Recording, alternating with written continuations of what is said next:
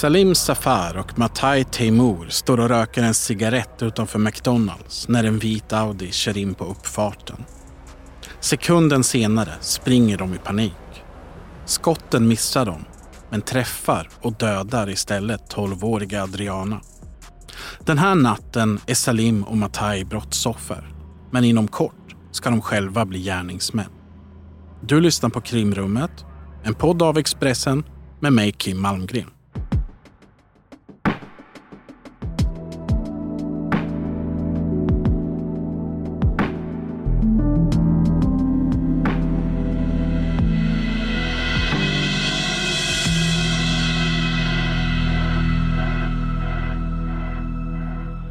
SOS 112, vad har inträffat? Hej, det är någon skjuten här i Hallunda McDonalds. Ser du honom? Ja, Ja, okej. Det är en tjej. det, är, är det en tjej som är, ja, är är hon vuxen? Är hon vuxen? du är ung. Hon är ung, är hon över 15? Eh, Jag vet inte, yngre tror jag. Ja, vi ska, vi ska hjälpa er där. Är hon vaken? Ja, hon vaknar. Det är en tjej som är skjuten där. Någon som känner den här tjejen? Nej, jag känner inte igen henne. Nej. Hon är jätteliten. När skotten avfyras utanför McDonalds i Hallunda skrivs ett nytt kapitel i Stockholms gängvärld. I en tid när dödsskjutningar redan har blivit vardag så stegras våldsnivån ytterligare. Flickan med hunden är inte måltavlan. Men när gärningsmännen börjar skjuta med Kalashnikov från en vit Audi så är det ändå hon, 12-åriga Adriana, som blir träffad. Skottet träffar i bröstet och hennes liv går inte att rädda. Mordet på Adriana avhandlas just nu i en rättegång och detta avsnitt kommer i första hand inte att handla om henne. För mannen som ringer polisen med stegrande panik är nämligen tillsammans med sin vän de egentliga måltavlorna. Den här natten är de brottsoffer, men de ska snart träda in i rollen som gärningsmän. I samma ögonblick som Adriana förlorar livet så börjar de unga männen planera sin hämnd. Nu på Storytel. Första delen i en ny spänningsserie. En liten flicka hittas ensam i en lägenhet. Hennes mamma är spårlöst försvunnen. Flickans pappa misstänks för brottet men släpps fri trots att allt tyder på att han är skyldig. Olivia Oldenheim på åklagarkammaren vägrar acceptera det och kommer farligt nära gränsen för vad hon i lagens namn tillåts göra. Lyssna på När allt är över av Charlotte Al-Khalili på Storytel.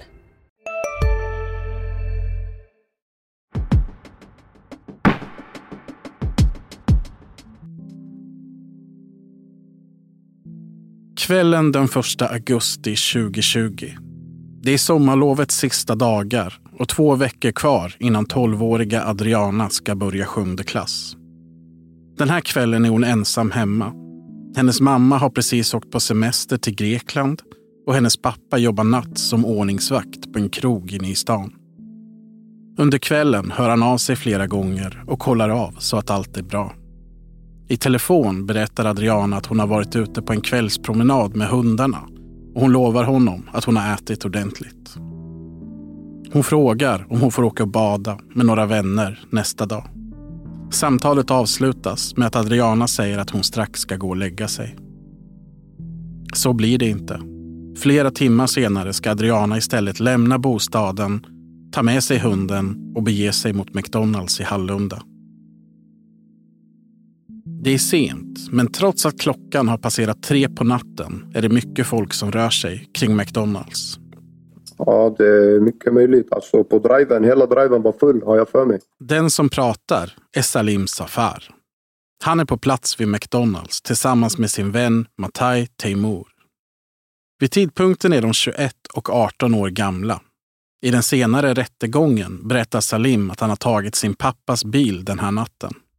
Och eh, du säger att det, du åker dit till McDonalds med din pappas bil. Ja, en Golf Ja, åker du dit tillsammans med någon? med matte. Och eh, sen så, så sa du det ner på parkeringen och äter maten. Vi äter maten i bilen. Ja. Men när maten, alltså när vi hade ätit klart så vi gick ut från bilen och rökte en cigarett. Vi träffade på några personer vi kände, så vi pratade med dem, rökte en cigg. Salim bär skyddsväst när han står och röker sin cigarett utanför McDonalds. Både han och Matai ingår i ett kriminellt nätverk. Ett nätverk som åklagare i Darnell i den senare rättegången ska kalla för Norsborgsgrupperingen. Och jag menar att ni under den här rättegången kommer att kunna se samarbete mellan flera olika personer som samverkat under en längre tid för att begå allvarliga kriminella handlingar. De har olika roller, uppgifter, de använder sig av våld och andra metoder för hot och de har en strävan efter vinning och makt. Och samtliga av de här personerna är uppvuxna i Hallunda, Norsborg. Norsborgsgrupperingen de har även nära kontakter med andra kriminella grupperingar och de kan till exempel kopplas till flera personer i Vårbynätverket. Augusti 2020 är en turbulent tid i gängmiljön. Det kriminella Vårbynätverket har expanderat. Man har tagit kontroll över narkotikahandeln i flera förorter i gränslandet mellan Stockholm, Huddinge och Botkyrka. Samtidigt ligger de i konflikt. Grupperingens fiende är en man vid namn Michael Jokanna. När polisen ska sortera in de kriminella grupperingarna i Stockholm får han ett nätverk uppkallat efter sig. Michael Jokanna och människor i hans närhet börjar kallas för Maj-nätverket. Konflikten har pågått i flera år och polisen har kopplat dödsskjutningar och andra våldsdåd till konflikten. Den man som skottskadades i samband med en skjutning i Vårby i Huddinge kommun i lördags kväll har avlidit eh, enligt uppgifter till Expressen. Polisen misstänker nu att 22-årige Shayan Gaff som sköts till döds eh, utanför en restaurang i Segeltorp i söndags sköts till döds av misstag. Idag inleddes eh, rättegången mot tre män eh, knutna till det så kallade Vårbynätverket. Alla tre är åtalade för den uppmärksammade skjutningen vid Circle K i Kungens Kurva den 18 januari i fjol då en 25-årig man mördades och en 29-årig kvinna sköts i huvudet men överlevde. Den 25-årige mannen sköts till döds med sex skott. En av de, de två unga männen som är på McDonalds samma kväll som Adriana mördas, Salim Safar och Matai Teimour, ingår i Norsborgsgrupperingen. I Stockholms kriminella gängvärld betraktas de som allierade till Vårbynätverket. Men de har sina egna fiender. Sedan en tid tillbaka ligger de i en konflikt med en grupp andra kriminella som har blivit portade från Norsborg. Kriminella som förbjuder andra kriminella att vistas i förorten. De portade fienderna har sökt sig till Majnätverket. Situationen förvandlas till en förlängning av Vårbykonflikten med helt nya aktörer, men med samma höga våldsnivå. En vecka innan skjutningen på McDonalds så har en vit Audi använts vid en annan skjutning på Hundhamravägen i Norsborg. Den gången skadades ingen. Den här natten dyker en vit Audi upp igen. Klockan är 03.24 på natten när bilen kör in på trafikplatsen i Hallunda där McDonalds och en bensinmack ligger. Ett ögonblick senare börjar skott avfyras från ett automatvapen. 21 skott i den första salvan. Gärningsmännen är helt hänsynslösa inför det faktum att det finns ett stort antal andra personer på platsen. En av dem är 12-åriga Adriana. Salim och Matai springer åt varsitt håll. Gärningsmännens bil kör ut från trafikplatsen och får en ny chans att skjuta mot Salim. Samtliga skott missar måltavlan. Men ett skott träffar Adriana i bröstet och dödar henne. Samtidigt som gärningsmännen kör från platsen springer Salim och Matai tillbaka. Där ligger Adriana kvar och de försöker hjälpa henne. Matai är den som ringer till SOS. SOS 112, vad har inträffat? Hej, det är någon skjuter här i Hallunda McDonalds. Ser du honom? Ja, Ja, okej. Det är en Är, tjej. det- är, är det en tjej som är, ja, är hon vuxen? Är hon vuxen? hon är ung. Hon är ung, är hon över 15? Eh, Jag vet inte, yngre tror jag. Ja, vi ska, vi ska hjälpa er där. Är hon vaken? Ja, hon vaknar. Någon som känner den här tjejen? Nej, jag känner inte igen henne. Nej. Hon är jätteliten. När den första patrullen anländer kort efter skjutningen är kroppskameran påslagen. Den spelar in när Mattei börjar överösa poliserna med förolämpningar. Salim är lugnare och berättar för poliserna var Adriana är någonstans.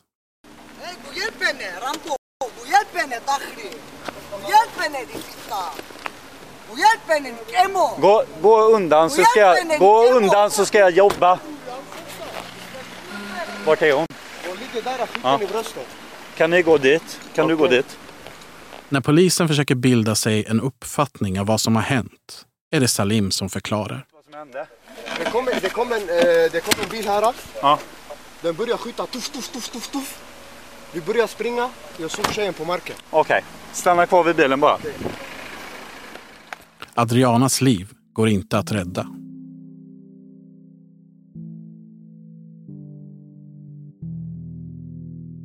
En tolvårig flicka har skjutits till döds och mordet sänder en chockvåg genom landet. Under några dagar handlar allt om mordet på Adriana. Politiker vill stifta nya lagar. Polisen lovar nya krafttag mot gängen. I media publiceras artiklar om att mordet har väckt sån avsky att till och med hårdbarkade gängkriminella har hört av sig till polisen i ett försök att hjälpa till. Två dagar efter mordet på Adriana får polisen ett samtal. Polisen 112. Hejsan.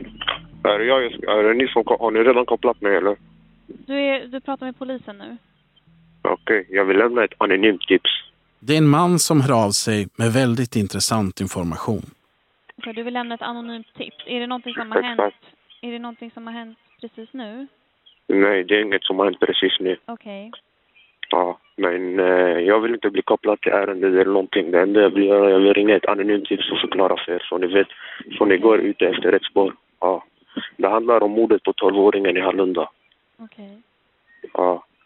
Ska jag berätta nu? Ja. Okej, jag ska säga till er vem det är som har gjort det här mordet. Och vem det är som har suttit i den här bilen. Det är fyra eller tre personer som har suttit i den, men det enda jag vet det är två personer och jag misstänker en tredje. Men två personer är jag 100% garanterad som har suttit i bilen när skotten har avlossats.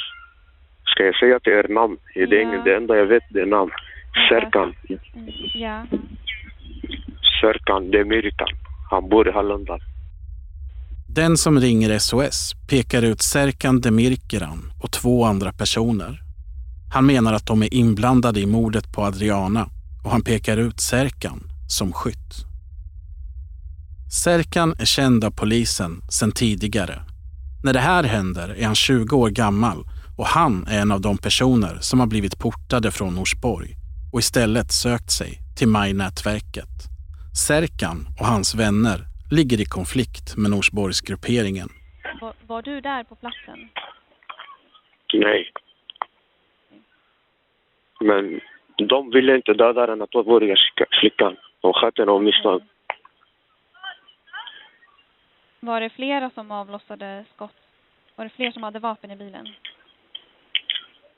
Det var två vapen i bilen. Två vapen i bilen.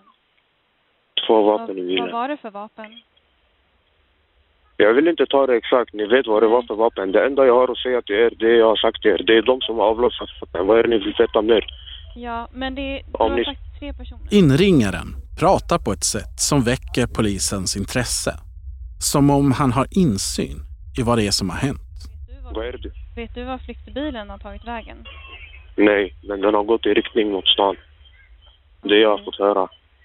Det där vet jag inte vart flyktbilen har tagit vägen, men det är de som har avlossat skottet.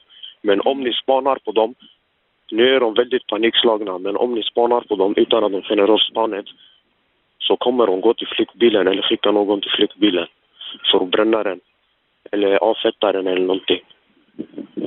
Men den står 100% parkerad inne i ett garage, men jag vet inte vart. Okej, du tror att den är parkerad i ett garage? Polisen fortsätter pumpa mannen på frågor om vad som har hänt. Men han upprepar samma tre namn om och om igen. Till slut tröttnar han och vill inte längre prata. Han understryker flera gånger att han vill vara anonym och att det är viktigt att polisen inte använder hans röst. Det jag har sagt det är bara det jag har er. Min röst vill jag inte att min röst kommer ut någonstans. Nej. Jag vill inte att ni, om, om min röst kommer ut så kommer jag inte lämna mer tips om jag får veta det. Det här är ett anonymt tips. Jag lämnar ut bara till er för att Ja. ni ska utgå vad som har hänt. Okej. Ja, och jag vill inte bli, bli inblandad i något ärende. Det här är det jag har att säga till er. Det är de personerna som har avlossat de här skotten. Ja. Okej. Ha det bra. Hoppas ni kan gå på rätt spår nu. Ja, hej. Den här telefonen kommer brytas. Så ni kommer aldrig kunna få tag på mig genom telefonen.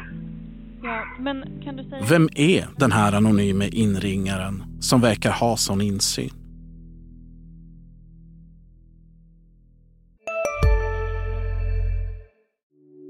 Hej, Ulf Kristersson här. På många sätt är det en mörk tid vi lever i. Men nu tar vi ett stort steg för att göra Sverige till en tryggare och säkrare plats. Sverige är nu medlem i Nato. En för alla, alla för en. Har du också valt att bli egen? Då är det viktigt att skaffa en bra företagsförsäkring. Hos oss är alla småföretag stora och inga frågor för små. Swedeas företagsförsäkring är anpassad för mindre företag och täcker även sånt som din hemförsäkring inte täcker. Gå in på swedea.se företag och jämför själv.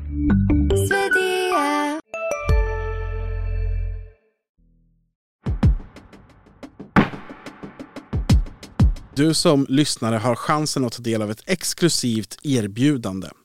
Två månader av Expressen Premium får du nu för bara 19 kronor. För att ta del av det här erbjudandet, gå in på expressen.se krimrummet. Alltså på adressen expressen.se krimrummet finns nu ett exklusivt erbjudande för dig som lyssnar. Två månader av Expressen Premium för bara 19 kronor. Nu fortsätter avsnittet.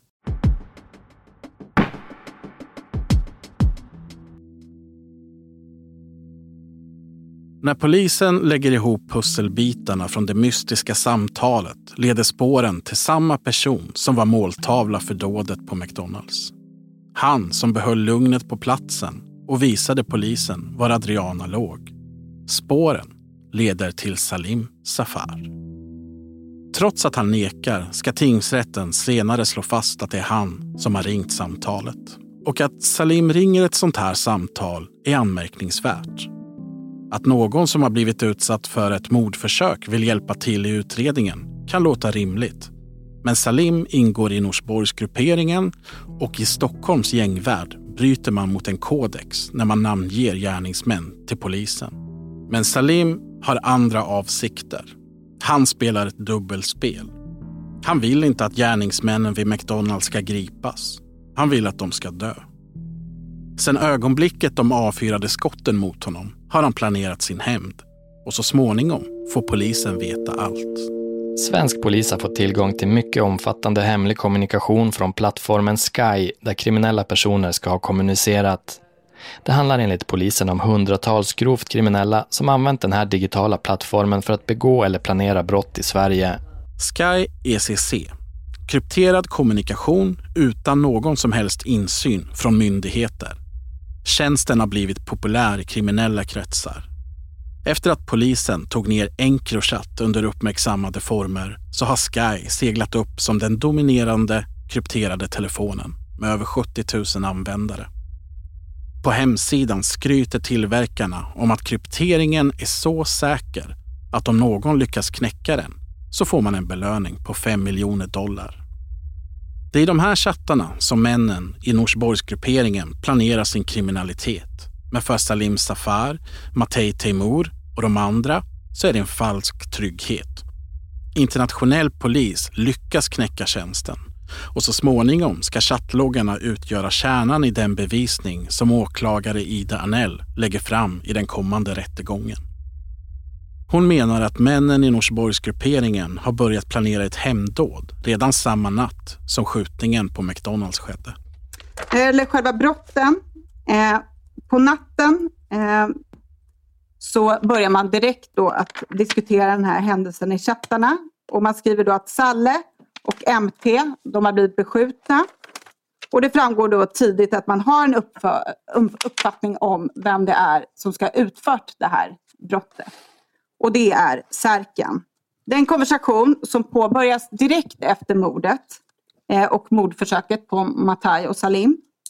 Eh, den konversationen den löper över lång tid och den har samma tema.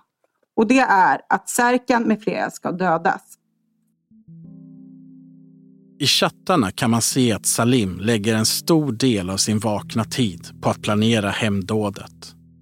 Med sina egna kumpaner i Norsborgsgrupperingen skriver han om vapen och bilar som skulle kunna användas.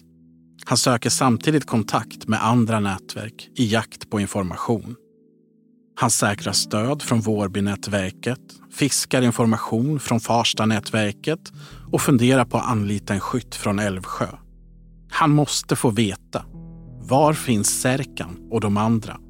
De som han misstänker utförde dådet på McDonalds.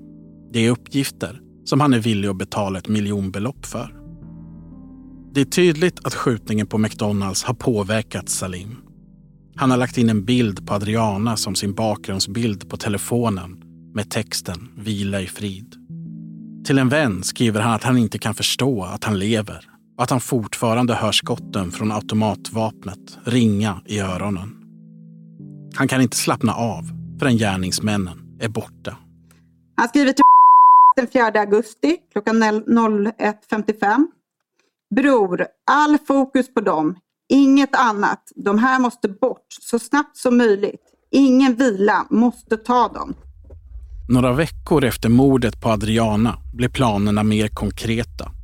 Ett annat kriminellt nätverk tar på sig rollen att lura Norsborgsgrupperingens fiender in i en fälla. Nätverket som det handlar om är FLG från Järvafältet. En gruppering som de senaste åren har gjort sig ökänd för blodiga konflikter, kontraktsmord och omfattande narkotikahandel. Fram till den här tidpunkten har FLG ingen inblandning i konflikten. De hyrs in som frilansare och ska utföra en tjänst i utbyte mot betalning.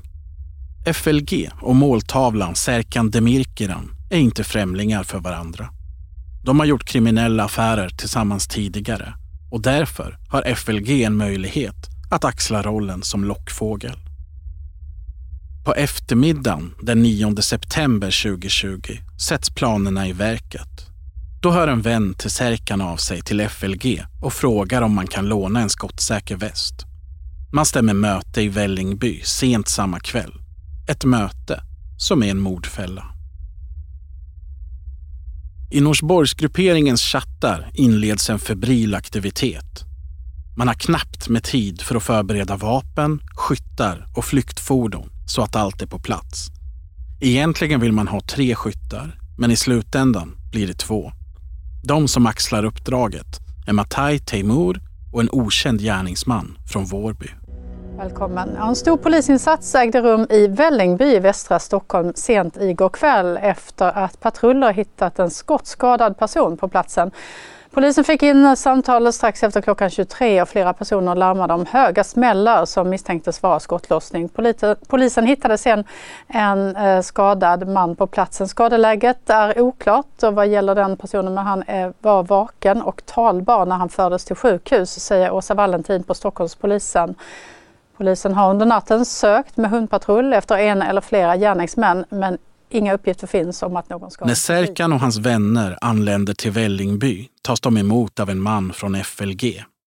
Han leder dem mot platsen där Norsborgsgrupperingens skyttar väntar och ett ögonblick senare avlossas ett stort antal skott. Åklagare Ida Arnell igen. En skjutning i Vällingby centrum. Det är en skjutning med automatvapen och pistol och området är ett bostadsområde. En skjutning där syftet är att döda några personer men där man inte överhuvudtaget bryr sig om eh, att det är andra personer som finns i närheten och som svävar i akut livsfara. Jag skulle vilja säga att det är ett mirakel att den här skjutningen inte kräver ett stort antal dödsoffer. För Norsborgsgrupperingen går allt fel. Av alla skott som avlossas är det bara ett som träffar rätt måltavla.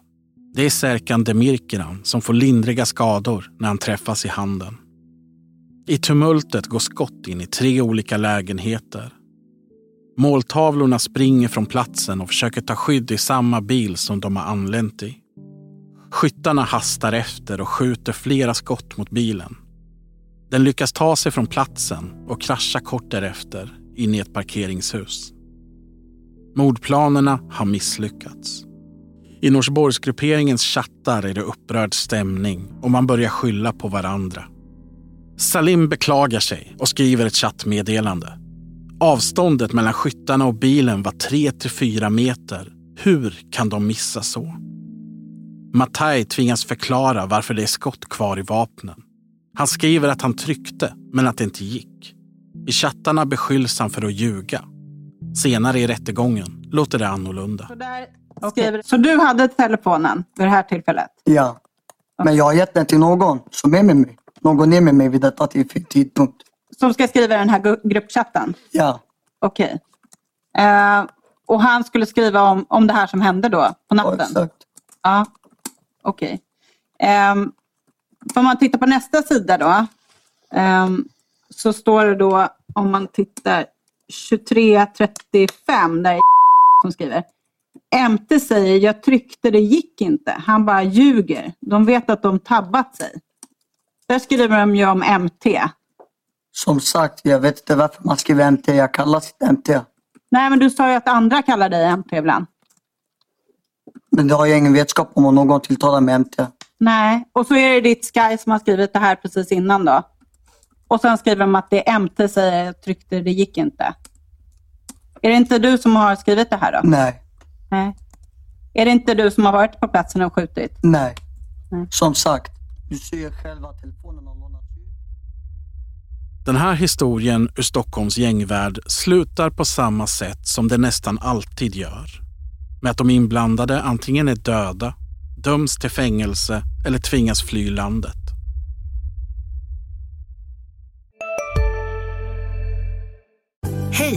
Synoptik här. Hos oss får du hjälp med att ta hand om din ögonhälsa. Med vår synundersökning kan vi upptäcka både synförändringar och tecken på vanliga ögonsjukdomar. Boka tid på synoptik.se. Välkommen till Maccafé på utvalda McDonalds restauranger med Baristakaffe till rimligt pris. Vad sägs om en latte eller cappuccino för bara 35 kronor? Alltid gjorda av våra utbildade baristor.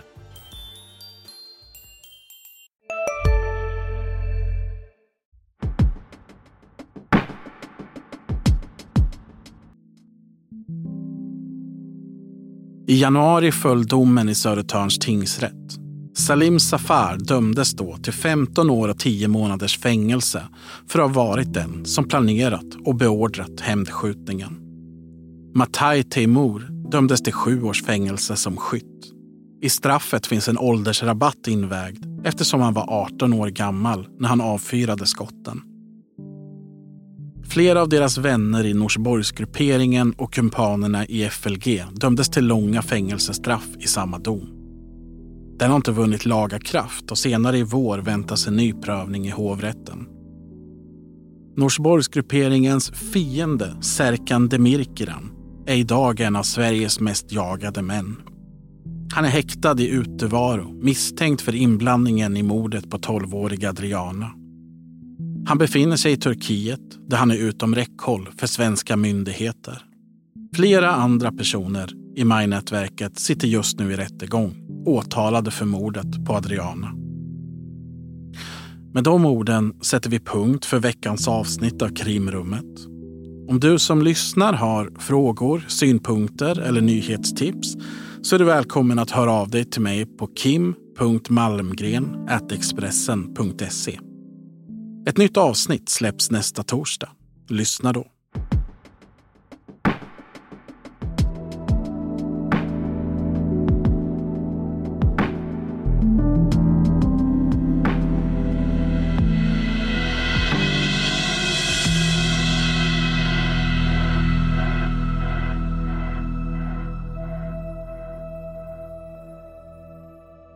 Du har lyssnat på en podcast från Expressen. Ansvarig utgivare Klas Granström